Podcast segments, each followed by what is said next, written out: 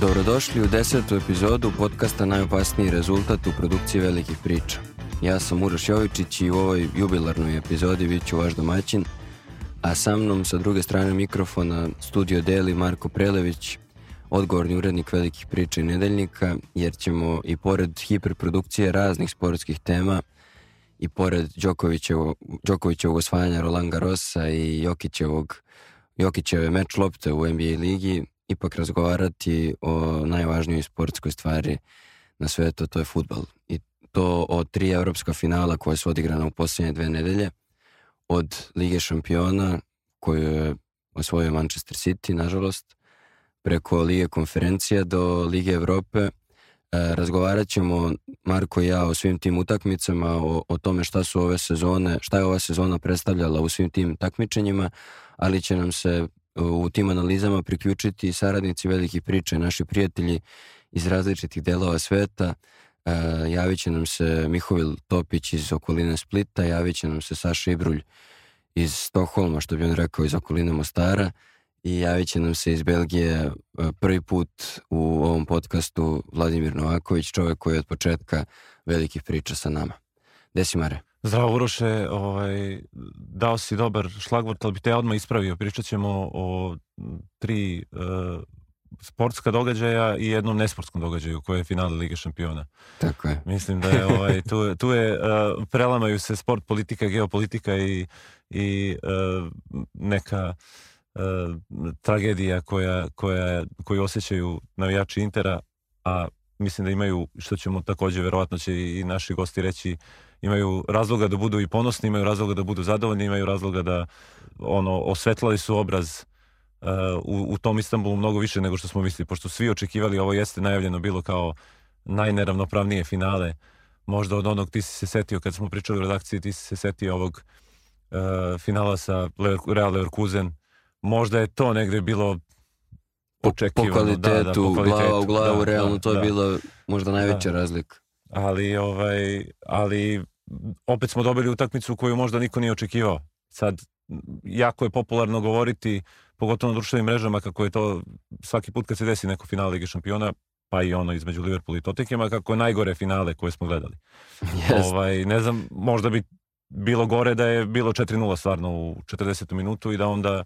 Pa seti se onog da... finala Evropskog prvenstva Italija-Španija kad su ih zgazili, da, da, to realno nije bilo zanimljivo za da. gledanje. I ne znam zašto ljudi imaju osjećaj da je 0-0 ili 1-0 finale loše finale. Pa mi smo imali u redakciji raspravu pre neki dan o tome da li je Zvezda Olimpik najgore finale i da li je Olimpik razbio zvezdu. Sećaš se da smo pisali ti ja tek za 30 godina od Barija da nam je Jonathan Wilson bio sagovornik i da je čovjek rekao da nije bilo najgore da, da finale da, da, da. i da je otprilike to tendencija da se priča da je svako finale najgore za ovo. Ne možemo da kažemo da je futbalski bilo najgore, ali možemo da kažemo da je za, za neke one futbalske prave futbalske navijače po znacima navoda uh, bilo problematično s obzirom na to da se ostvarilo ono što smo se nadali da se nikada neće desiti i što smo pričali da je zapravo neka ono arapska kletva na, na Paris Saint-Germain i na Manchester City da klubovi koji imaju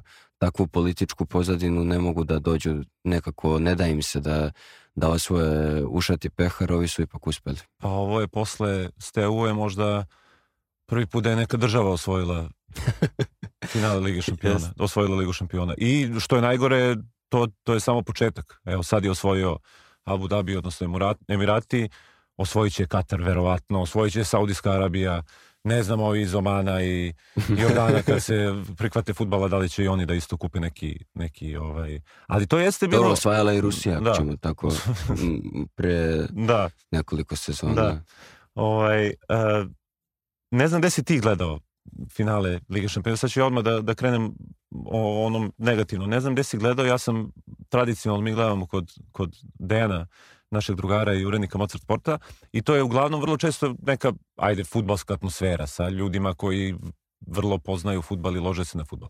I svaki put kada gledamo finale Lige šampiona, uh, satima kasnije traju rasprave i razlabanja i premotavanje šansi i da li je moglo ovako, da li je moglo onako. A ovo mi je bilo preksinoć, sada, sada preksinoć, ovaj, ovo mi je bilo kao u onom mimu, ono, Jeremy Clarkson kad kaže oh no i onda anyway i okrene se na drugu temu.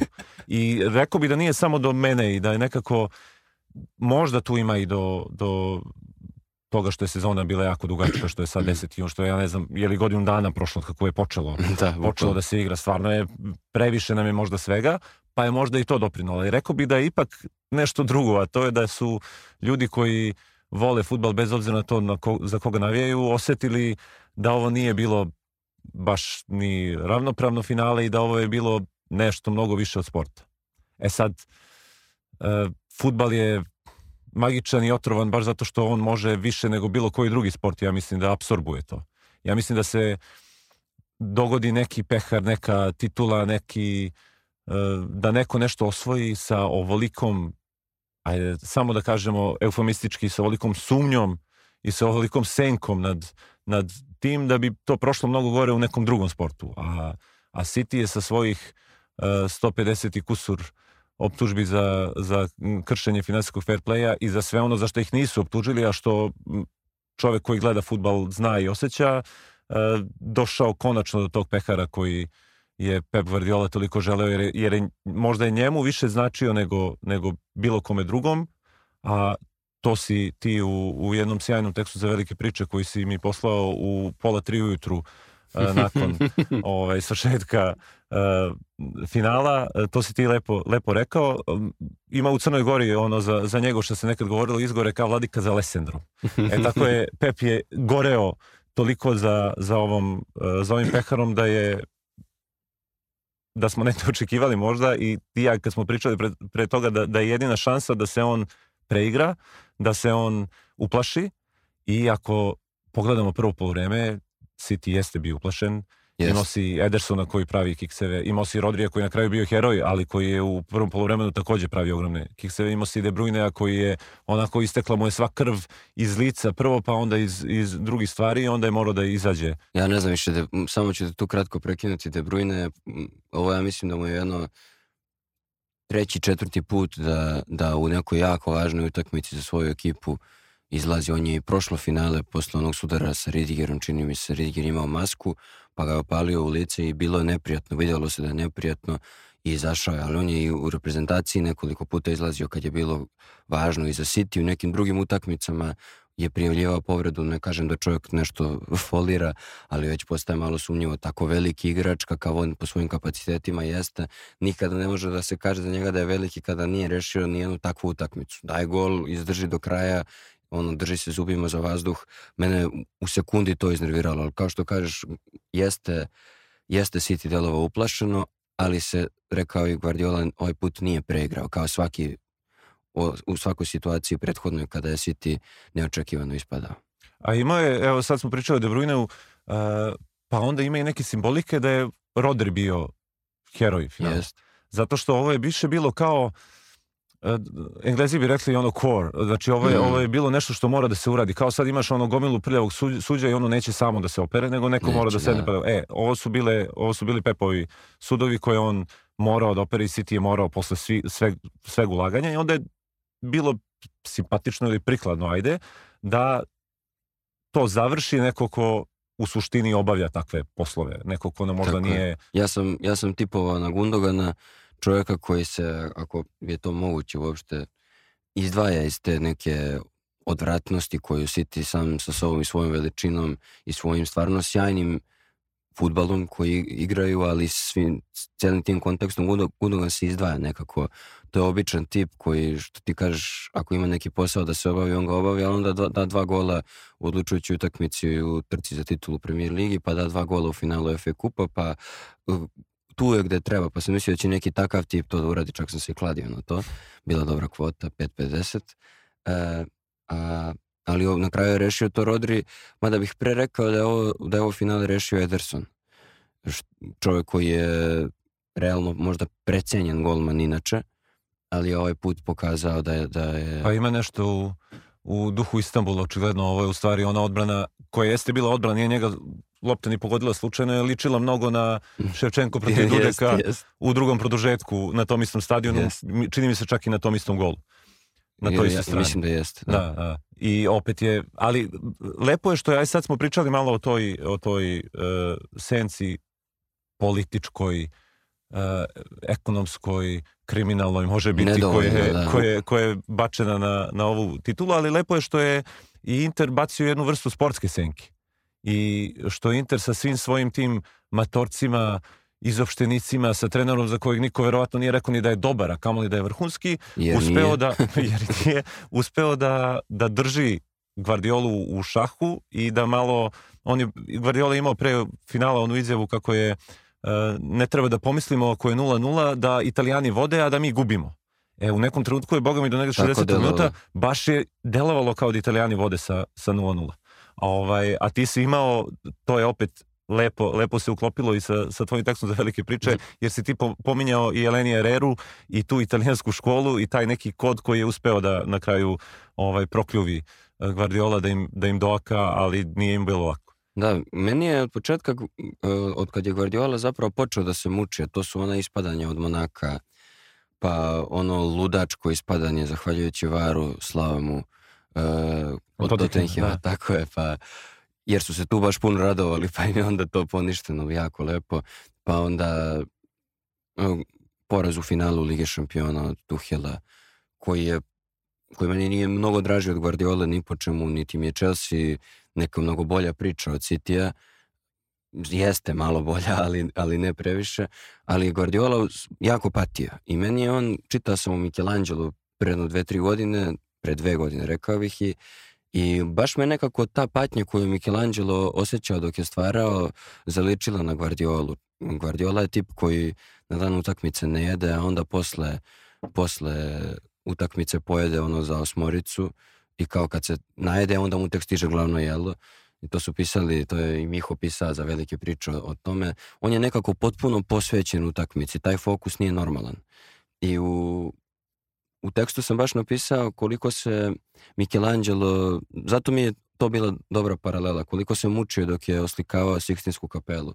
On je za sebe smatrao da je, da je vajar, da nije slikar i da nije na pravom mestu i da su mu na neki način tu ono postavili nagaznu minu i Guardiola se isto tako mučio i razmišljao da li je na pravom mestu i da li je on zapravo taj tip, jer on je osvojio dve lige šampiona sa Barcelonom, a onda sa Bayernom ništa, a onda sa Cityjem toliko puta ništa. I Da, on u stvari od 2011. nema, nema, i, a Messi od 2015. pa je bila priča mogu samo Guardiola i Messi zajedno. zajedno, da, tako je.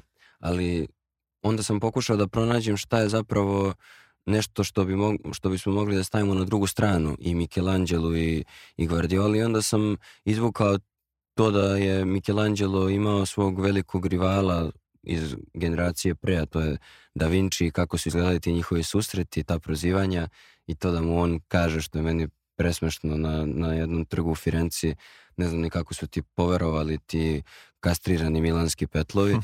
I nekako ta, ta priroda Da Vincijevog stvaranja i, i Michelangelovog stvaranja zapravo sam ih ja povezao na neki svoj način sa, sa prirodom stvaranja Ererinog futbala, odnosno Interovog identiteta i Guardiolinog identiteta. Jer ovo jeste bio susret dva identiteta. Interovog koji je veliki i koji je značajan evropski klub na razne načine, koji je oblikovao iz kog je e, izašla i e, identifikacija italijanske reprezentacije, futbolska identifikacija, a s druge strane Guardioli, ne možemo da kažemo City identitet, kakav identitet, City je pre 15 godina dobio Middlesbrough 8-1, kakav, ne, nema te vrste identiteta koji bi mogao da bude značajan u finalu Lige šampiona.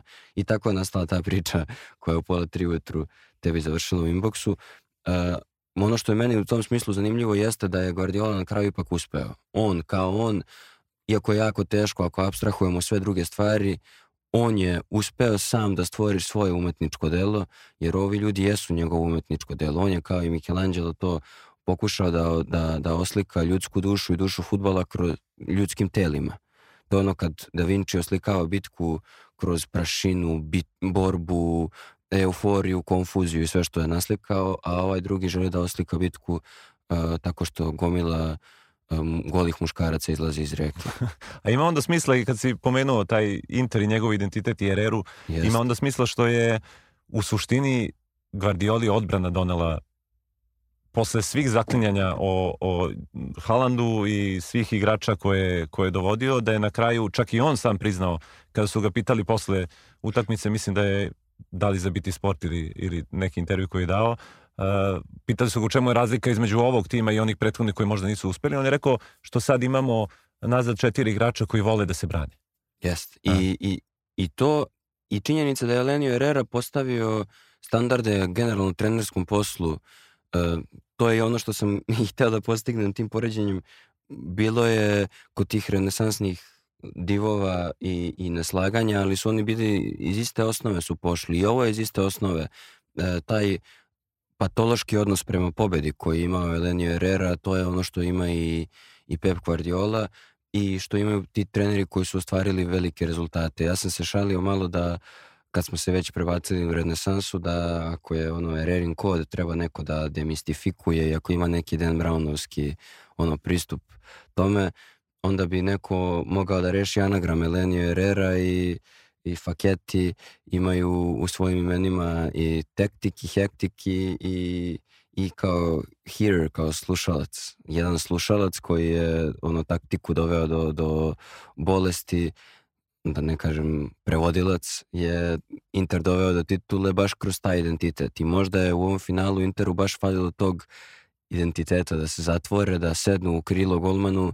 Možda bi na kraju ne, na neki način to bilo drugačije, međutim oni su odradili ono što ti kažeš, bacili su futbolsku senku na ovu titulu, u smislu odigrali su hrabro, nisu se nešto preterano uplašili te Cityjeve veličine i toga što City ima 58 vrhunskih igrača u, u rosteru, a oni imaju 3, 4 e, svi su na, na svim delovima terena dali svoj maksimum i nekako jeste bilo uh, bili su vredni ovog finala i zaslužili su da ih spomenemo na pravi način i Guardiola je to u ostalom jer on je svakakav ali ume da ume da priča i da priču okrene u svom, u svom pravcu pa je na kraju ukazao i dužno poštovanje Interu zbog načina na koji je odigrao. Rekao je da Inter druga ekipa u Evropi, to naravno nije tačno, verovatno nije ni u top 10 u ovom trenutku, ali da, uspeli su ove sezone da dođu do, do, do druge pozicije u, u Ligi šampiona i da skupo prodaju svoju kožu. Pa, uh, ono što je meni sad, kad, kad pričamo, ispada kao da, da ono, lepo što si rekao za, za Guardiolu te stvari, zato što ispada kao da mi ne cenimo da, da. Guardiolu, a da nema te cenke koja, koja postoji, uh, dobro bi se knjiga mogla napisati samo o onome što je Guardiola, konkretno pa onda City, uspeo od februara pa na ovamo. Jer ako se, Just. ako se sećaš, uh, da li je to bilo početkom februara kad je City izgubio Tottenhema, od Tottenhema koji ja. znamo kakav ja. je bio ove sezone, kada se činilo da m, apsolutno ne mogu da dođu do, do odbrane titule u Premier Ligi. Uh, nedelju dve pre toga su ispali u Liga kupu od Southamptona. Tako je. Uh, otišao je Joao Cancelo, nikome nije bilo jasno zašto, sada nam je jasno da. zašto posle svih ovih i, i izjave i posle svih ovih uh, malih i velikih finala uh, i da će tada nanizati, ne, ne samo to, nego šta je još bilo, bilo je uh, Gundogan je pričao ja mislim da je on bio eto najhrabriji kao taj čovjek koji inače samo završava stvari i on je izašao i rekao da nešto nešto ima i da ovaj tim nije nešto im, im, im ne ide. I još I, se pričalo o potencijalnoj kazni za... Da, upravo, upravo tih da. dana i De Bruyne je bio toliko u lošoj formi da nije ni igrao. Znači nije ga stavljao u prvih 11. U lošoj formi od Fikreta što kaže. I, I onda da, da posle toga ti uspeš da od tog februara možda malo i gonjen tim optužbama, možda je to malo galvanizovalo što se da, kaže da, da. ekipu i onda su sad su imali su taj osjećaj uh, možda prvi put od kako je Guardiola tu da su outsideri. I, I možda taj osjećaj sada ili nikada. Da, Ko zna da, da će biti sledeće da, sezone da. ono A sada deluje, ovo jeste se Guardiola šalio uh, za Real kao stižemo, ali sada, mislim, ko bi u ovom trenutku sa sve onim zasićenjem i sa sve, svim tim da bi nek, da svako želi da, da skine kralja, jeli? Ko bi sad mogao da, da stavi pare da oni neće osvojiti još jednu tripletu do godine? Tako je. Ja se nadam da Verovatno nema mnogo hrabrih koji bi stavili pare na to, ali se nadam da se to neće dogoditi. Ja bih samo, evo, ovaj, ako, ako mogu ja umesto tebe da zaključim, odnosno ti ćeš da zaključiš, ja ću da ti dam šlagvort ovaj deo. Ono što me posebno razgradilo kod tvog teksta na, na velikim pričama je, je negde poslednja rečenica, odnosno njene, njeni uzroci i posledice. Jeste, to, to smo nekako zajedno dok, dok sam spremao taj tekst došli do nje. E, Michelangelova kapela koju on oslikavao, da je oslikao i tavanicu i oltar i uložio celog sebe i pokazao kakav je majstor, uh, se ne zove po njemu, ne zove se Michelangelova kapela, nego se zove Sixtinska kapela po nekom papi. E, tako se ni ova titula, po Pepu se ništa neće zvati, tako se ni Mansurova, ova, Liga šampiona. Tako, tako se ni ova Liga šampiona neće zvati Pepovom. Uh, o, o ovom finalu će vam govoriti, vama i nama, jel govoriti Vladimir Novaković, kako sam rekao u uvodu, čovjek koji je od početka tu sa nama, piše za velike priče, njegovi tekstovi su ono biser uh, sportske redakcije velikih priča i on će, on će govoriti o pobedi Citya nad Interom koji on onako potajno i lično uz ovaj drugi klub koji voli vrlo simpatiše. Teško je bilo sačuvati optimizam pred Istanbulsko finale s obzirom na dva prethodna finala u ovom mesecu koja su zaista bila zastrašujuće, neinteresantna i nekvalitetna, a pogotovo kada se uzme u obzir da su i mediji i kladionice davale jednom od timova preko 80% šansi, bukvalno najbolje čemu smo mogli da se nadamo je da će Inter skupo prodati kožu. Međutim, dogodilo se nešto zaista neočekivano, to je dobili smo jedan super zabavan meč, meč dva tima poprilično ravnopravna u kojem je onaj na papiru slabiji, na kraju izgledao dosta bolje, ali je onaj na papiru bolji slavio rezultatom 1-0. E, City je za ovu utakmicu mogao da računa na manje više sve bitne futbalere i postavio se onako kako najbolje i može da se postavi, s tim što je napravio nekoliko Guardiola je napravio nekoliko pa blagih iznenađenja.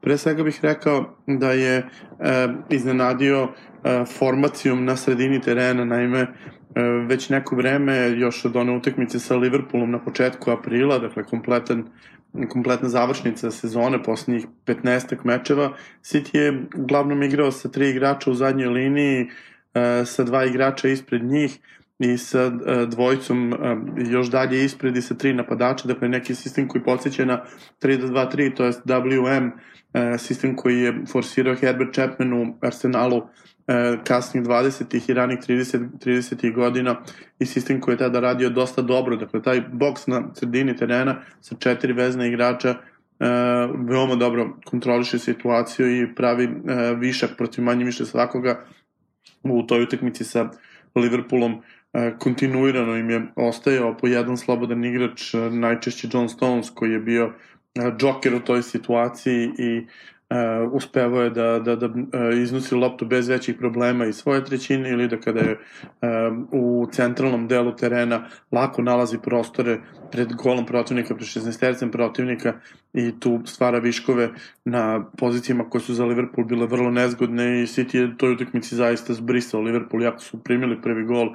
Trebalo već pre toga da vode, a na kraju su slavili su ubedljivih 4-1 i od tog trenutka City je zaigrao veoma dobro i generalno je zadržao taj format igre i držao ga je praktično sve vreme do finala. Međutim, u finalu e, dogodilo se nešto pomalo čudno, a to je Guardiola rešio ponovo da se bavi malo poigravanjem i rešio da ekipu okrene, taj centralni deo da okrene iz kvadrata u romb, da Rodri ostavi kao uh, igrače koji je ispred odbrane, da na vrh stavi za početak Gindona, pa onda u jednom trenutku Kevina De Bruyne, a da desnu stranu toga Romber čini John Stones. To je Stonesa pomerilo još 15 metara bliže protivničkom golu i često ga dovodilo u pozicije uh, koje su podsjećale na kancelove pozicije iz prethodnih sezona kada je uh, Portugalac čak u jednom, jednom šampionatu zabeležio najviše udaraca od svih City-evih igrača.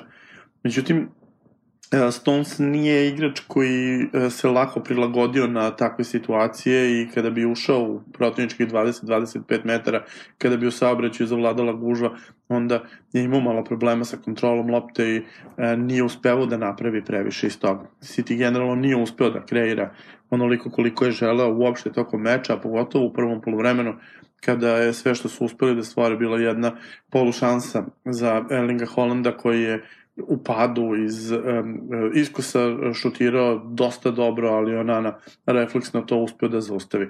Inter sa svoje strane je radio ono što se očekivalo, izašli su sa 3-5-2 formacijom, uh, sa Brozovićem u sastavu koji je i očekivan, iako ga nije bilo u mnogim utakmicama do sada, jer je bilo jasno da Henrik Mkhitaryan nema šanse da um, izdrži ono, ono što će biti neophodno za ovu utakmicu protiv ovakvog protivnika kao što je City, a od napadača odabran je Džeko ispred Lukaku, što je takođe bilo malo iznenađenje. E, s obzirom na to da su Džeko i e, Lautaro Martinez igrali kao napadački tandem i da je Džeko formacijski tu najistureniji, nije bilo iznenađenje što je City odustao od Kajla Walkera u startnoj postavi, tako da su se Aki, Dijaš i e, Akanji našli kao trojka nazad, jer znamo svi da je Walkerovo glavno oružje jurenje protivnika e, koji pokušava da pobegne u paru koji čine Lautaro Martinez i Džeku gde je Džeku istureni nema ko da pobegne. E, na taj način e, City je imao kontrolu nad loptom, skoro dve trećine vremena je bio u posjedu, međutim Inter je dosta lako to zatvarao, praveći gužvu sa zaista fanatičnim presingom i potvrdili su ono što već znamo o njima. Od kada je Simone Inzaghi u klubu Inter je u svakom takmičenju koje je eliminacijono stizao do finala, dakle u ligi nemaju staminu da izdrže celu sezonu, ali u kup takmičenjima stižu rutinski do finala i dobili su sva četiri finala koje su igrali, dakle dva super kupa protiv Milana i Juve i dva kupa Italije su uspeli da, da, da dobiju u ove dve godine i eto stigli su i do e, petoga finala e, koje na kraju ispostavilo se nisu uspeli da dobiju, ali ipak protiv zaista mnogo jačeg protivnika. Uh, utakmica je postala zabavnija tek u drugom polovremenu, ali pre toga dogodio se jedan jako bitan e, detalj, a to je povreda Kevina De Bruyne koji je uh, i na prošlom finalu Citijevom pre dve godine doživeo povredu u drugom polovremenu, ovoga puta ga ovoga puta ispao već u prvom. I više tu nije bilo um, mnogo prostora za bilo kakvo bilo kakve egzibicije, Faudin je ušao umesto njega i City je morao da nađe način da stvori priliku. Na početku drugog polovremena Inter je imao dve šanse, od kojih jednu zaista veoma dobru, koja je došla posle greške Akanđija i tada je već postalo jasno, gledajući Pepa, koliko E, nema poverenja u Akanđija i kako e, će to biti izmena koja će se dogoditi u nekom trenutku relativno brzo, međutim na kraju se ispostavilo da je Akanđi završio utakmicu, a da iz taktičkih razloga John Stones ustupio mesto Kyle Walkeru u finišu, ne bili ekipa završila meč sa četiri igrača u zadnjoj liniji. E, Akanji je pravio greške i u nekim ranijim utakmicama, koliko god je koristan sa loptom u nogama, u trenutku kada treba donositi odluke, to delo je često fatalno, i ovoga puta je moglo da bude tako, Lautaro Martinez je uspio da ukrade loptu između njega i Edersona i samo je neverovatna sebičnost argentinskog futbolera koji je imao jednu otvorenu i jednu pomalo otvorenu opciju za dodavanje u mnogo boljim pozicijama, odlučio sam da e, rešava iz mrtvog ugla i e, zaustavljanje njegov udarac. City je do prednosti, ispostavići se do pobede, stigao posle e, 70 minuta u situaciji koja je bila jako dugačka, jedan jako dug napad u kojem su nekoliko situacija igrači City mogli da, da krenu direktnije ka golu, ali su odustali od toga jer im lopta nije padala na nogu koju favorizuju e, i onda su produžili napad, imali su strpljenja, na kraju je Akanji poslao vertikalni pas na koji Barela nije e, startovao kako treba, pre toga je ispao E, tokom akcije Bastoni, to jest izletao je previsoko, onda je Di Marco pao, a onda je prilikom centaršuta e, lopta se odbila na poziciju od prilike 15 metara od gola gde je Rodri bio potpuno sam 10 metara ispred njega nije bilo nijednog interovog igrača i usledio je udarac. To je treći gol u dva finala za ekipu City-a koji dolazi iz nebranjenog šuta uh, iz šuterske pozicije. Unitedu su dali gol iz voleja sa 20 i nešto metara i, posle onog uh, ubacivanja Kevinovog oba vola naravno dao Gündoğan gde su oba puta idealno šutirali jednom baš kako treba, onako lepo je uhvatio vole, drugi put vrlo uh, nepravilno, taman tako da se odbije kako treba, svim što ovoga puta za razliku od Varanovog izmicanja sa putanje lopte E, niko od intervih igrača nima nikakve šanse, apsolutno perfektno je Rodri uhvatio uh, Fel Šoko, dvojica odbrbenih igrača i smestio je uz samu stativu van Onaninog domaša. Onana je bio zaista impresivan, možda najimpresivniji pojedinac na utakmici, jer je sve što ikako bilo moguće odbranio, skinuo je Filu Fodenu 1 na 1, odbranio je taj pomenuti udarac uh, Kevina Hollanda i uh, rutinski je pokupio sve visoke lopte u svom 16 tercu, ali još impresivnije je bilo ono što je radio sa loptom u posledu, apsolutno bez ikakvog uh, pritiska, koliko god da su mu uh, da, da su dobar pressing igrali igrači City-a bez pritiska Kamerunac odigrao, a onda je u finišu kada je došlo vreme za rizik poslao nekoliko neverovatnih pasova zaista od kojih jedan uh, direktno iz odbrane do napada po sredini, po zemlji, dakle, u, u stilu najboljih e, dodavača iz, sa, sa pozicije povučenog playmakera odigrao Onana i zaista je bilo uživanje gledati ga. Inter je posle primljenog gola krenuo u seriju prilika i jedan za drugim su se ređali opasni pokušaj i povodili su prečku, onda je Lukaku blokirao udarac sa igrača Di Marka, onda je u samom finišu imao i onaj neverovatan promašaj koji je negde u rangu promašaja koji je imao na utakmici Belgija Hrvatska, tako da je uh, u, ovom, u ovoj sezoni i klub i reprezentaciju brutalno košta jer su jedni i drugi ispali zbog njegovog promašaja, da bukvalno da je lopta njegova ušla u gol i jedni i drugi bi otišli dalje, a stvarno su bile izvanredne prilike. Uh, na kraju je u 90 trećem, četvrtom, petom minutu uh, Ederson uspeo da odbrani i nezgodan udarac glavom Hosensa koji je inače spustio pre toga Lukaku za, za, za taj zicer glavom takođe. Uh, sve o svemu Uh, Inter je zaista pokazao zube, City opet nije igrao onako kako se očekivalo kao ni u prethodnom finalu, ali opet pobedio. Na taj način su krunisali jednu jako čudnu sezonu u kojoj verovatno nisu bili spremni na ovo što se dešava, jer delo je da je ovo prva godina njihove tranzicije, rasprodali su nekoliko igrača, nisu se popunili u velikoj meri, nisu im sva pojačanja ni proradila, videli ste kako je Philips igrao ove sezone, eh, ali eh, odnosno koliko je igrao i veliko je pitanje da li će ikad više igrati, ali um, ono što jeste bitno uspeli su da stignu do svetog grala, do svog prvog trofeja šampiona Evrope, a Pep drugi put do, i do triple krune naravno, uh, Pep uh, do svoje druge triple krune sa uh, drugim klubom u drugoj državi.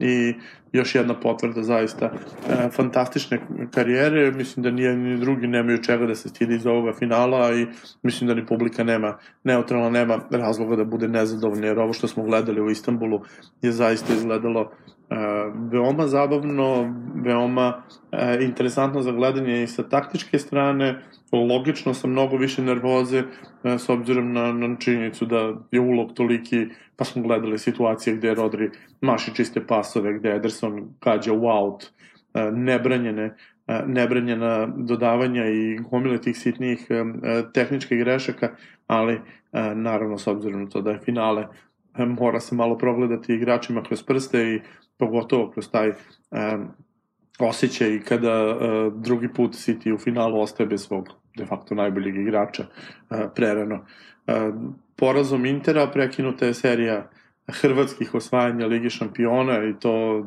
nije zaslužio Marcelo Brozović s obzirom da igra zaista izuzetno na ovoj utakmici da je kontrolisao uh, ritam meča na sjajan način, da je odrađivao dobro posao i u odbrani, a i u napadu, ali jednostavno razlika u kvalitetu je na kraju presudila. City je tim koji ima 15-16 igrača koji su zaista e, izuzetna klasa i niko na svetu u ovom trenutku ne može da im parira i nekako i um, logično da je moralo u nekom trenutku da se desi da se uh, situacija uh, poklopi tačno onako kako njima odgovara. Nakon javljanja iz Belgije uh, vraćamo se evropskim futbolskim finalima i posle Lige šampiona pričamo o finalu Liga konferencija ili Liga konferencije ili kako se već to, više nismo sigurni ni kako se to takmičenje tačno zove, a kamoli ko u njemu igra i, i šta je njegov cilj. Međutim, e, možemo posle ovog finala West Hema i Fiorentine, gde je West Ham u poslednjim trenucima došao do, do pobjede, rekao bih nezaslužene, ali italijanima je sudbina ove godine da budu sjajni i da izgube sva tri finala. E, posle tog finala možemo da kažemo da ako je UEFA iz nekih finansijskih, organizacionih, ličnih razloga, interesa i odlučila da nam proda san, neka je. Neka nam je prodala ovaj san u kome, je, uh, u kome smo imali priliku da vidimo dva velika evropska kluba, zašto tako da ih ne nazovemo, Fiorentinu i, i West Ham, nisu sigurno krem de la krem i u top 10 evropskih klubova, ali imaju značajnu istoriju za razliku od nekih iz prethodnog dela priče imaju e, značajne ljude u, u, u svojoj istoriji i, i imaju navijače koji do, do patologije vole svoje, svoje timove i prati ih svuda i čitava sezona i za jedne i za druge bila jako turbulentna i luda i trebalo je da se završi jednim ovakvim finalom koje, ako i nekog podsjeća na Inter Toto Kup i neka podsjeća. Mislim, nekako sve je to bilo jako zanimljivo u, u ovogodišnjem izdanju Lige konferencija, naročito jer je prošle godine Roma došla do titule prvi osvajač tog takmičenja i nekako je bilo sjajno da još jedan klub koji ima značaj, ima legacy, a nema sjajne rezultate i velike igrače u poslednje vreme u svojim redovima, da, da takvi klubovi igraju final. Pa ne samo ni, ni da ima značaj, nego da ima i navijače. Prošle godine su igrali Roma i Feyenoord koji su opet Tako je. jedni i drugi imaju svoje ono posvećene milione ljudi koji ih prate i koji su napunili uh, sticajem okolnosti i ono poslovične kratkovidosti UEFA, ovo finale se igralo u Pragu na stadionu koji prima šta 19-20 hiljada ljudi. Tako je. A verujem da bi Wembley bio puni jednim i, drugi, i drugim Jest. navijačima i da bi bio mnogo zanimljiv. A ti si rekao lepo, u stvari si parafrazirao ovaj naslov Tako teksta je. na velikim pričama, da nam je UEFA prodala jedan veliki san, eto koliko ih kritikujemo, tako im se nešto i desi, više im se omakne nego što, Tako što da. stvarno nešto, Teško nešto da, urade. da, su, da su smišljali, ne bi smislili. Ali, ali jeste, to je bio naslov našeg uh, cenjenog kolege i, i novopridošlice prvo u redakciju Velike priče, onda u sportski deo redakcije Velike priče, Stefana Đukića iz, iz Crne Gore, iz Bara. Ovaj, sticam okolnosti, ja sam se sinoć uh, video sa njim i uh, nisam znao, pošto se nikad ranije nismo videli, samo mu znam fotografiju, nisam znao kako da ga prepoznam, a onda sam video kako prema bašti kafane u kojoj sam sedeo ide neki visoki tip u dresu West Hema. I, Da, nije onda bilo teško I znao, prepoznati. znao sam da, da, da ne može to da bude teško, a Stefan je imao možda i nehotice Ovaj, i on se naslonio na, na jednu moju davnu, kad sam već pomenuo kafanu, na jednu moju da, davnu kafansku ras, raspravu sa mojim prijateljima, sportskim novinarima, a to je upravo ovo što si ti rekao, da li je West Ham, konkretno West Ham, a Fiorentina sa njim, da li je veliki klub. E, mi smo imali onako lomila se koplja, e, pijana koplja koja su uvek, uvek mogu nekog da proburaze, pa je bilo to kao da li, šta te čini jednim velikim klubom. Ok, jedni i drugi su, su pre ovoga imali po jedan mali evropski trofej, u stvari onaj romantični evropski trofej uh, kup kupova, um, a da li je to dovoljno? I Ste- Stefan se onda naslonio u tom tekstu sjajnom za, za velike priče na, na eto taj tu legendu i taj mit o, o West Hamu koji su oni sami proizveli, a to je da West Ham možda ne, nije osvojio uh, ligu šampiona ili kup šampiona, ali jeste osvojio svetsko prvenstvo. To je Da, klub koji da. je dao 66. Ovaj, Englezima gro tima i, i oni to i, i danas slave.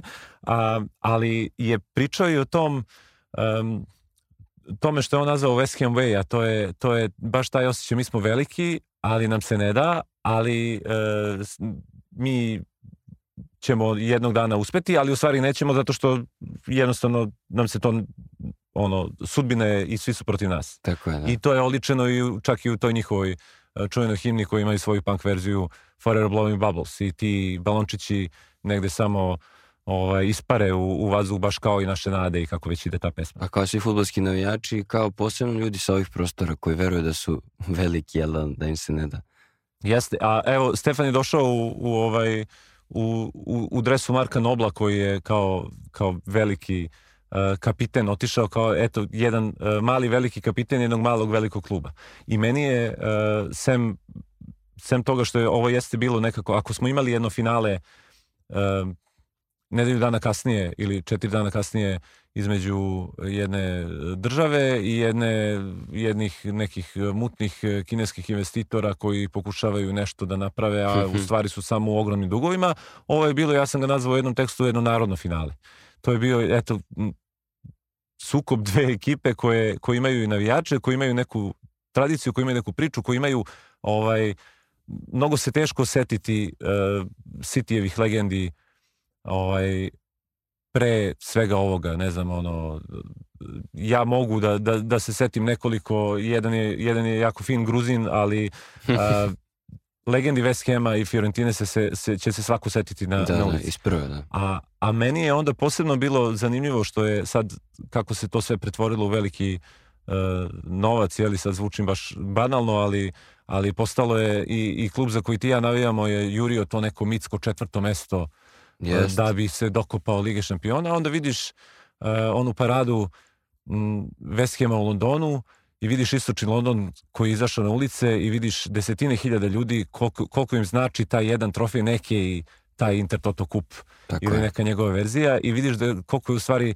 mnogo važnije i mnogo romantičnije na kraju krajeva što su oni osvojili taj pehar nego da su stigli kao što su se borili prošle godine da stignu da budu četvrti pa da igraju Ligu šampiona u kojoj bi bili Ispali ovaj, vjerojatno u da, grupi da, ili, da. ili završili negde svoje takmičenje u martu. I to je možda dobra, dobar šlagvord za, za jednu moju priču iz Švedske. Sad sam bio na putovanju na kojem se ono lično i, i novinarski desilo mnogo zanimljivih stvari i bio sam na, na utakmici Hamarbija sa, sa Sašom Ibriljem, našim prijateljem koji će se javiti za nekoliko minuta da priča o ovoj utakmici baš.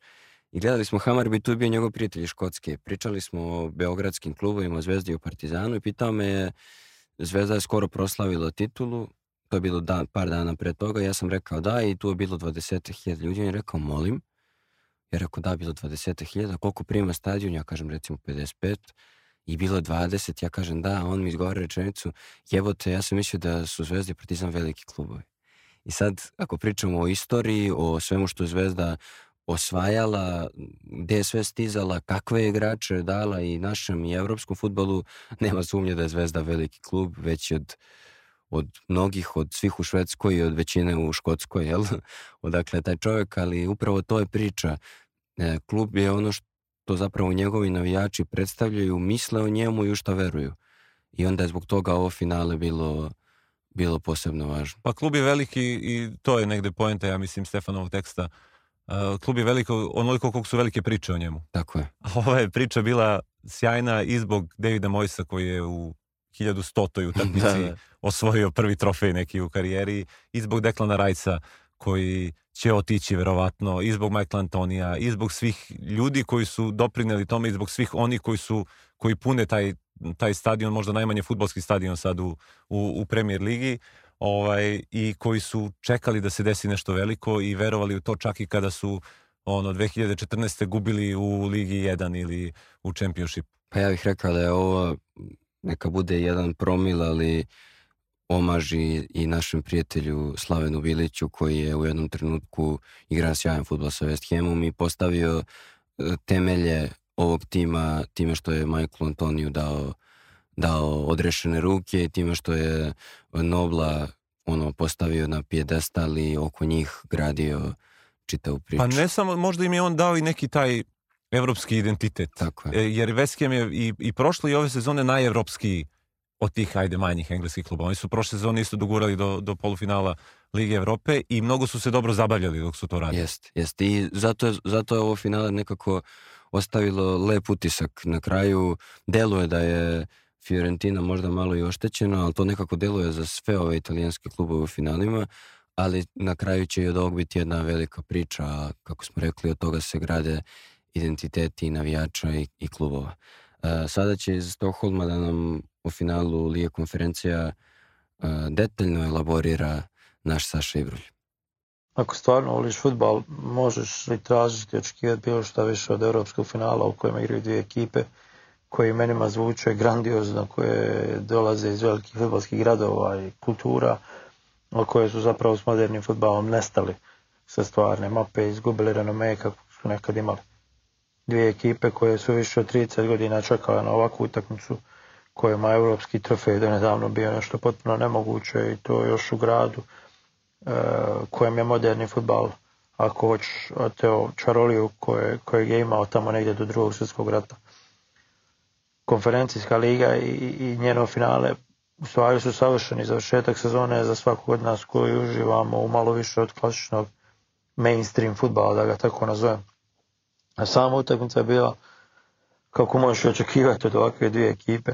Negdje sam pročitao na Twitteru e, da sam mogao osjetiti jaki Kamerun, Srbija vibe, jer ovaj, kako se Fiorentina može desiti na, na, na 1-1 u finalu Europskog kupa nakon toliko vremena, očekivanog toliko vremena da, da, im, da i protivnik uhvati tako visoko i iz 40 metara brisanog prostora, koliko je već bilo pred igračem, tako da ali, ali, ali moguće je, jer su to ekipe koje su kvalitetom uh, daleko od vrhunskog nivoa i onda i ovakav jedan događaj dodatno izbaci iz takta, da tako kažem, u smislu da ga, da ga doživljavaju još emotivnije nego svi ostali, da im se dešavaju takve greške lakše nego, nego nekim velikim, odnosno većim ekipama. E, ovo je u stvari ona situacija gdje bilo ko od ove dvije ekipe da je osvoji, odnosno da osvoji na kraju ti kao neutralcu mora biti drago zbog njih, koliko ti je žao zbog ovih drugih. Prije svega drago mi je zbog Davida, zbog Davida Mojesa, e, mi koji smo odrastali uz Premier ligu, sjećamo se njegovog Evertona kao, kao najbolje ostale ekipe, da tako kažem, kao, kao ekipe koja, koja je uvijek bila negdje na rubu, ali nikako nije uspjevao preskočiti taj rub. I onda kad ga je Sir Alex odabrao, kad je upravo prstom u njega i rekao to je to, to je on, e, tačno si mogao osjetiti da svi samo čekaju da je prokliza, da, da, da imaju argument ne samo da je Mojes loš trener, e, nego i da je Alex Ferguson čovjek od krvi mesa koji, za kojeg imamo jednu grešku koju mu možemo nabijati na nos e, čitav život.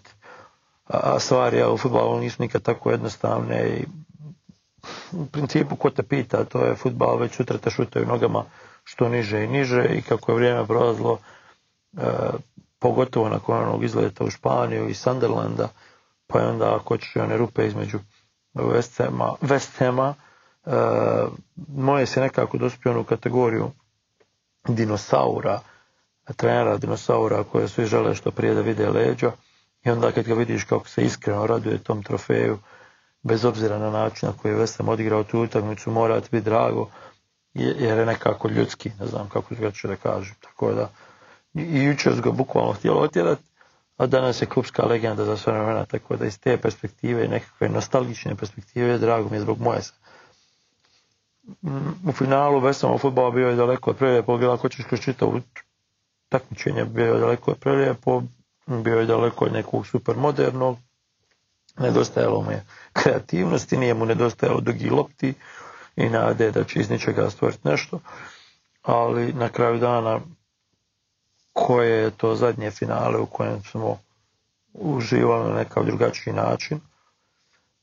Takva su postala rijetkost, ili stvari takva su uvijek bila rijetkost i nije niko čudo i to je sasvim normalno. I, i, i zato je valjda ovo jedna od onih ekipa gdje, ćeš, gdje se nećeš sjećati nekakvog velikog individualca ili nekog velikog poteza, iako će se pričati, ali normalno, Declan, Rice ovog ljeta puno, iako će se, vjerovatno ovo bila zadnja utakmica za West iako ćemo spominjati paketu i Sovčaka i, i Bowena kao strijelca, ipak je nekako ovo pobjeda ne tima, nego rekao bi pobjeda Westama kao kluba, kao, kao pokreta, kao nečeg malo drugačijeg od ovog mainstreama o kojem sam govorio na početku.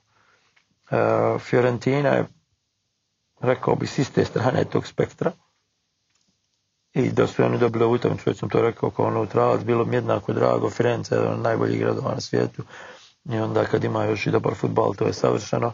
Njihov, njihov futbal u finalu je bio možda malo bolji, možda malo gledljiviji, ali očigledno za nijansu naivni i, i takve ekipe ovako, ovakvim izjednačenim finalima u pravilu gube. Sve u samo nije ovo nije bio nikakav klasik, nije bila nikakva velika utakmica, bilo je puno prekida, puno zadržavanja, puno navijačkih ekscesa, čak mislim da smo prvi udarac Fiorentine vidjeli nekad nakon sat vremena, ali isto tako mislim da je ovo maksimum koji jedno ovakvo finale sa ovakvim ekipama i u ovakvom takmičenju može dati na kraju možemo biti zadovoljni s njim. I generalno kad je konferencijska liga u pitanju, kad je, kad je UEFA promovisala, bilo je jasno da se radi o takmičenju koje je predviđeno za, za klubove iz nekakvog trećeg ranga europskog futbala. Bila je još jedan korak ka stvaranju Super lige koju neće voditi sami klubovi i koja neće biti onakva kako nam, su nam pokušali predati prije par godina, ali jeste slično planirana i koncipirana za budućnost, samo pod vodstvom jel, velikog brata iz Njevona. I jasno je da, da je ta priča o konferencijskoj ligi u stvari stvar perspektive i očekivanja. I ona je ponudila ono što smo i znali da hoće priliku da i mali pokupe neke mrvice, da i mali osjete da su bar na neki način dio svijeta veliki i bogati, odnosno da pokušaju biti veliki bogati u svojoj lokalnoj zajednici i to funkcioniše sasvim solidno.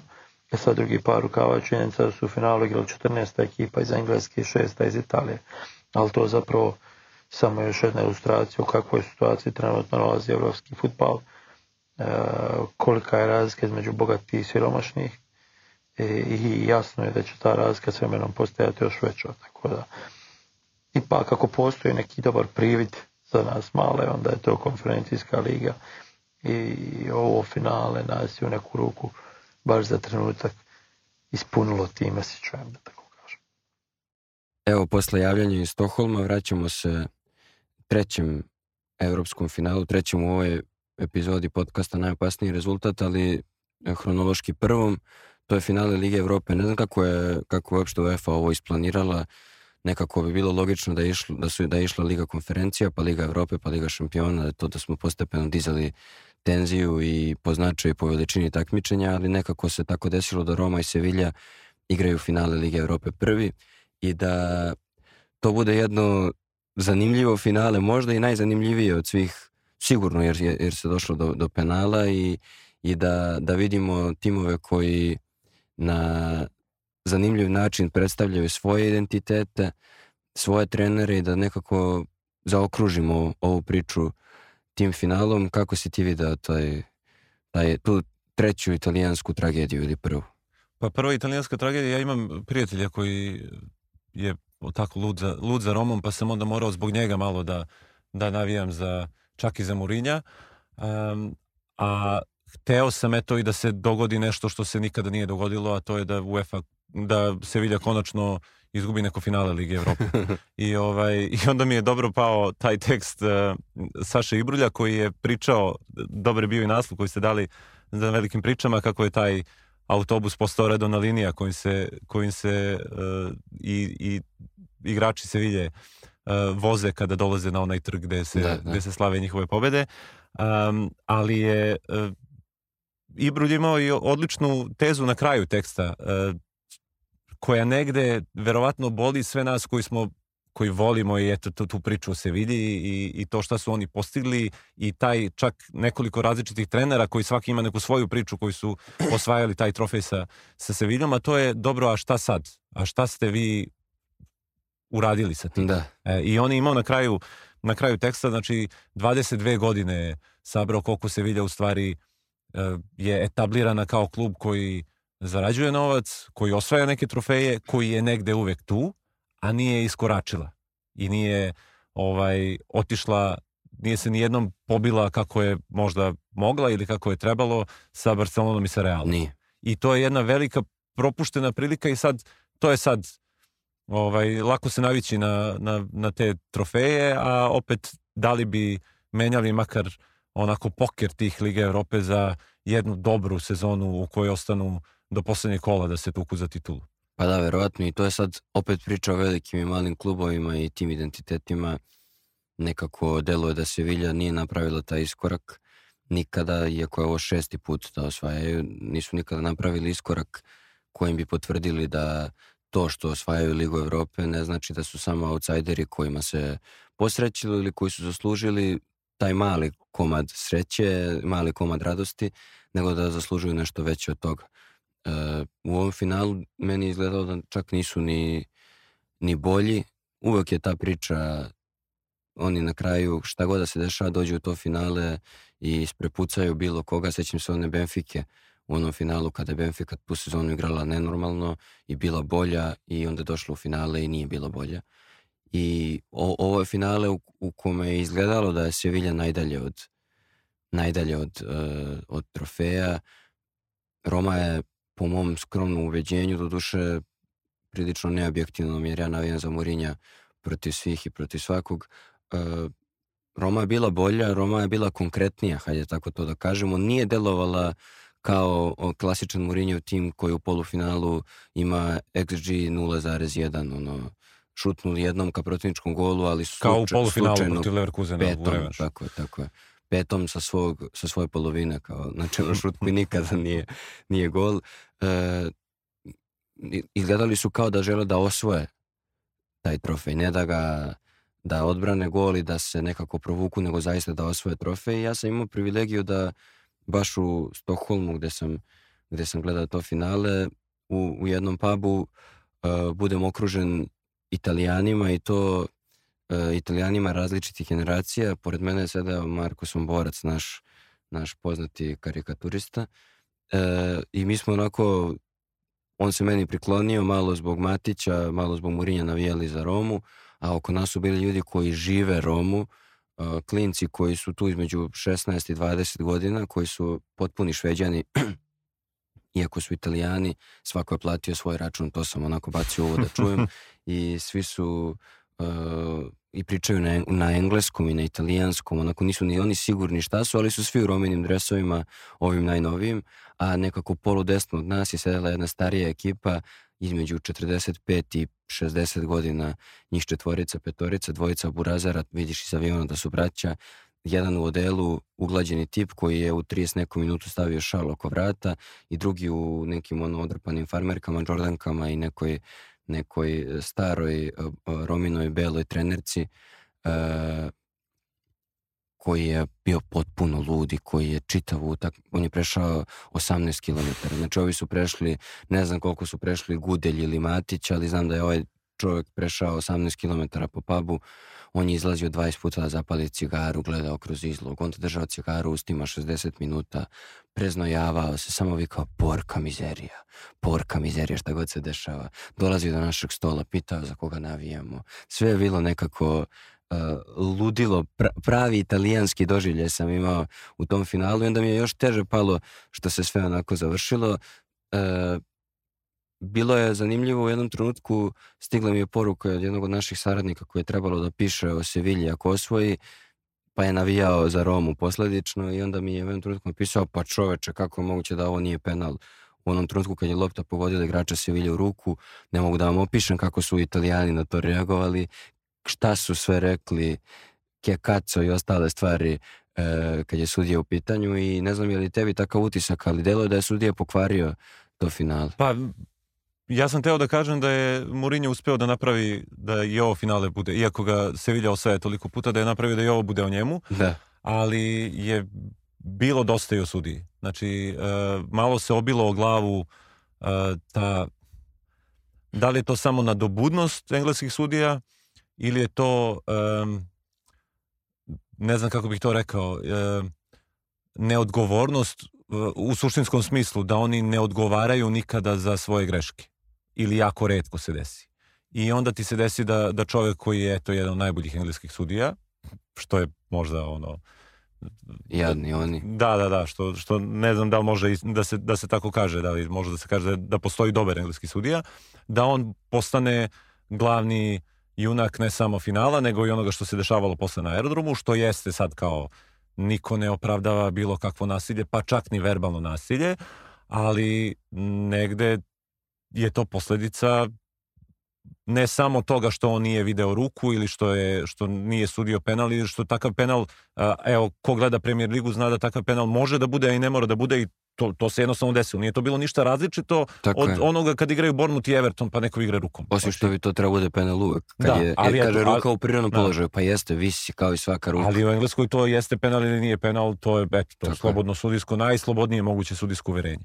I na kraju mislim da je, da je Mourinho imao, imao pravo da, da napravi to, da je malo oko njega e, imao je pravo da se osjeća povređenim i uvređenim između ostalog, zato evo ja kad sam gledao utakmicu pa sam se dopisivao, ja sam imao na, na, na Viber vezi jednog ludog romanistu i onda smo pričali šta bi moglo da se promeni kada je krenulo se vide malo bolje da igra i ja sam ušao onako na onaj sofa i kao pogledao ekipu i, i Roma stvarno na klupi nije imala nikoga Tako je. i Mourinho ima jako loš tim koji je on uspeo da dovede do... I to nije prvi put. On je, njegov, njegov čitav uh, ono, poslednji period karijere je obeležen time da čak i u Manchester Unitedu gde je imao ozbiljne zvezde, nije imao izbalansiran tim i dinamiku kakvu on voli. E, I činjenica je da on i u tim situacijama uspeva da dovede neke timove. Roma ima gubitnički mentalitet već 20 godina. On je uspeo prošle godine da osvoji s njima trofej, da ih dogura do finala i ovo je bilo prvo evropsko finale koje je izgubio, iako je za neko verbalno nasilje postojalo opravdanje i da, im, da imamo za njega razumevanje. To je ono, nekako je paš Murinjovski, da izgubiš prvi put finale, da se rasplačeš, baciš medalju u onom klincu na tribinama i siđeš onda lepo u, u ono podzemnu garažu i izvređaš engleskog sudiju koga dobro poznaješ jer mislim to, to je nekako čitava ta slika o njemu, o, o, o gospodinu posebno što bi Lea, naša saradnica iz Splita rekla Ćaći, jer on jeste Ćaća, on stvarno izvuče maksimum i onda ishvali svoju ekipu, objasni ljudima da, da je dao sve od sebe, da je ponosan na njih i naravno skrene pažnju na nekog drugog, da je taj neko drugi kriv za sve. Nekad je to fortuna, loša sreća, nekad je to uh, engleski sudija, ali na kraju sve bude nekako murinjevski. Pa bio je i, i proročki, a mogo je da se čita i posle mnogo lepo ovaj tekst koji smo mi imali o Murinju koji smo u stvari na veliki pričama pustili na dan, Tako je. na dan finala. Da, šteta je što je njegova trofejna ova vitrina tako loše ostarila. Iako Mourinho dobro stari, iako je i dalje zgodan i, i duhovit. E, vreme je da, za, da, da vam se o ovoj utakmici obrati čovjek koji je to detaljno analizirao i koji je za velike priče napisao serijal velikih tekstova o, o velikim trenerima, pa i taj o Mourinho koji spominje što je Mihovil Topić. On će detaljno analizirati susret Rome i Sevilje. U Europskoj ligi ništa novo, znači od kad je 2009. E, kup UEFA prešao ovaj redizajn ove Europske lige, Sevilla je četiri puta bila u finalu i sva četiri puta osvojila. Evo, sad je dodala i peti trofej iz pet pokušaja i pobjedila je Romu koju je vodio Jose Mourinho koji obično ne gubi finala, ali eto, izgleda nije mogao na njihovom terenu ništa jer Europsku ligu možemo slobodno pre, preimenovati u Sevilla ligu. Stvarno, razina kojom oni osvajaju te lige je fascinantna. Ono, ono što je još zanimljivije je koliko je zapravo teško osvojiti Europsku ligu. Liga prvaka ima svoje praktički stalne, stalne članove. Real Madrid neće svake godine biti prvak Španjolske, ali ljudi su već 25 godina uzastopno u Ligi prvaka. Isto vrijedi i za Bayern, za Manchester City, Barcelonu, e, ranije je vrijedilo za Manchester United koji je do 2013. 18 puta zaredom bio u Ligi prvaka ili za Arsenal koji je do 2016. skupio 19 uzastopnih plasmana u to natjecanje. Znači, Liga prvaka ima svoje ono, usual suspects, ima, ima, ima klubove koji su tu u vrhu e, priče i koji možemo računati da će svake godine biti kandidati za osvajanje. U Europa ligi baš nije tako.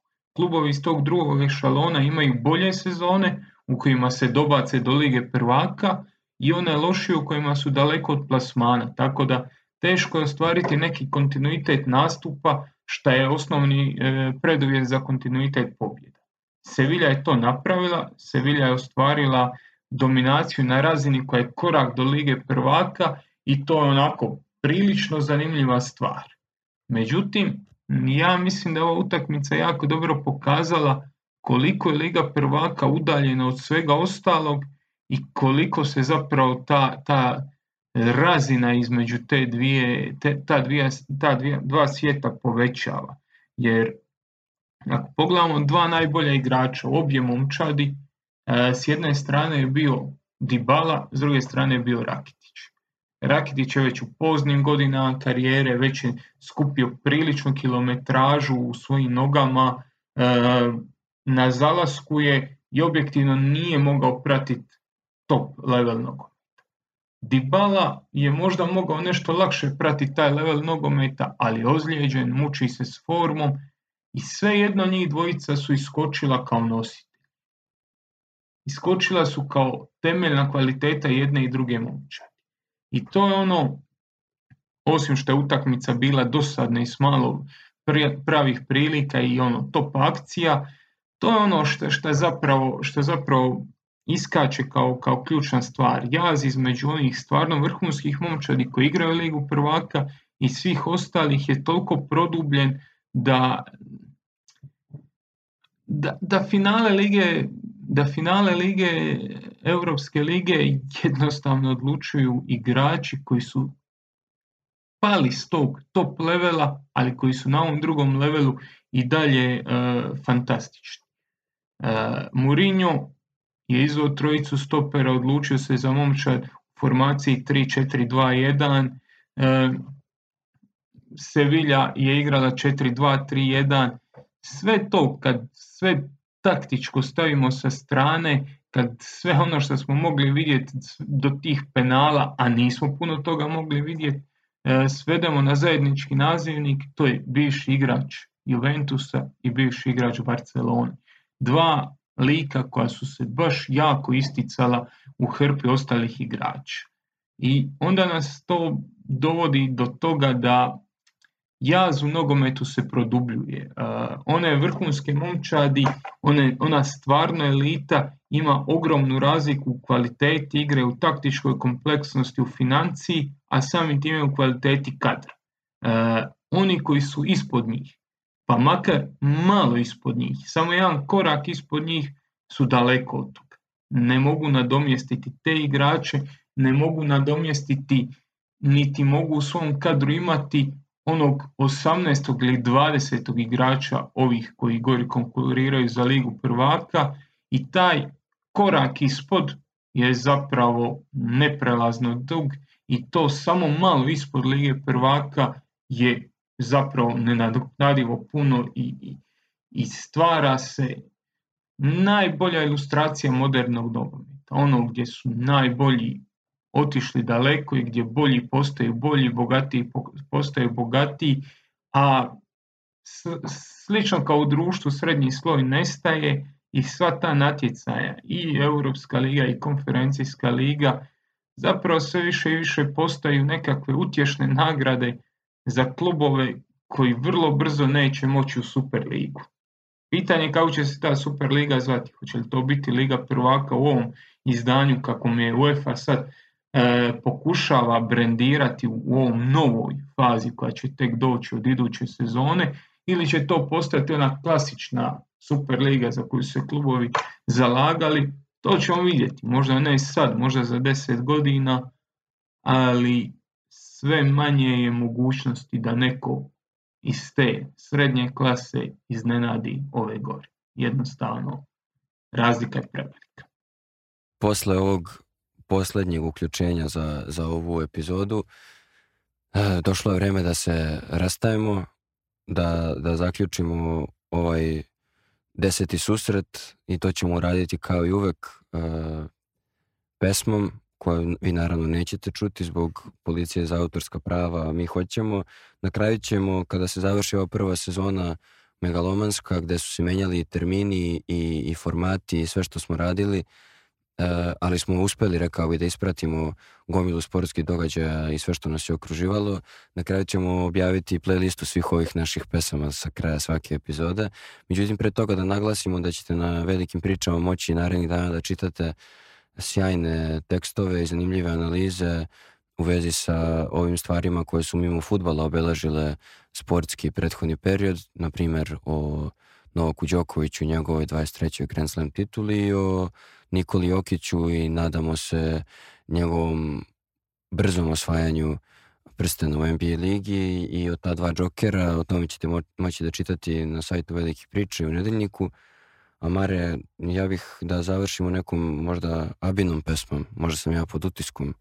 Švedske? Tako je, ali i ako imaš neki pametni izbor. E, pa meni je na pamet pala, e, pošto City pa braća Gallagher, uh, koji, evo sad da, da ne bude opet da smo svi protiv City-a, ima City neku tradiciju, imao neke navijače, City je imao uh, kad su bili u trećoj ligi, oni su imali stari stadion Main Road im je bio skoro, pun na svakoj utakmici i za te ljude koji su to doživeli, ako ih nema, mi ih ne znamo mnogo, pa onda živimo u nekom bablu, ovo je malo drugačija. Jedni od tih ljudi su i braće Gallagher, uh, tako da je možda red da završimo s nekom pesmom Oasis, ali opet da im ne damo da ovo bude neki Wonderwall. Uh, ja bih rekao da je odlična uh, pesma Some Might Say, koja se završava sa jedno 20 puta ponavljanjem You know what some might say i kao znate šta bi ljudi mogli da kažu o ovoj tituli Tako Manchester City. Nemam šta da dodam. Hvala vam na pažnji i slušamo se sledeće nedelje.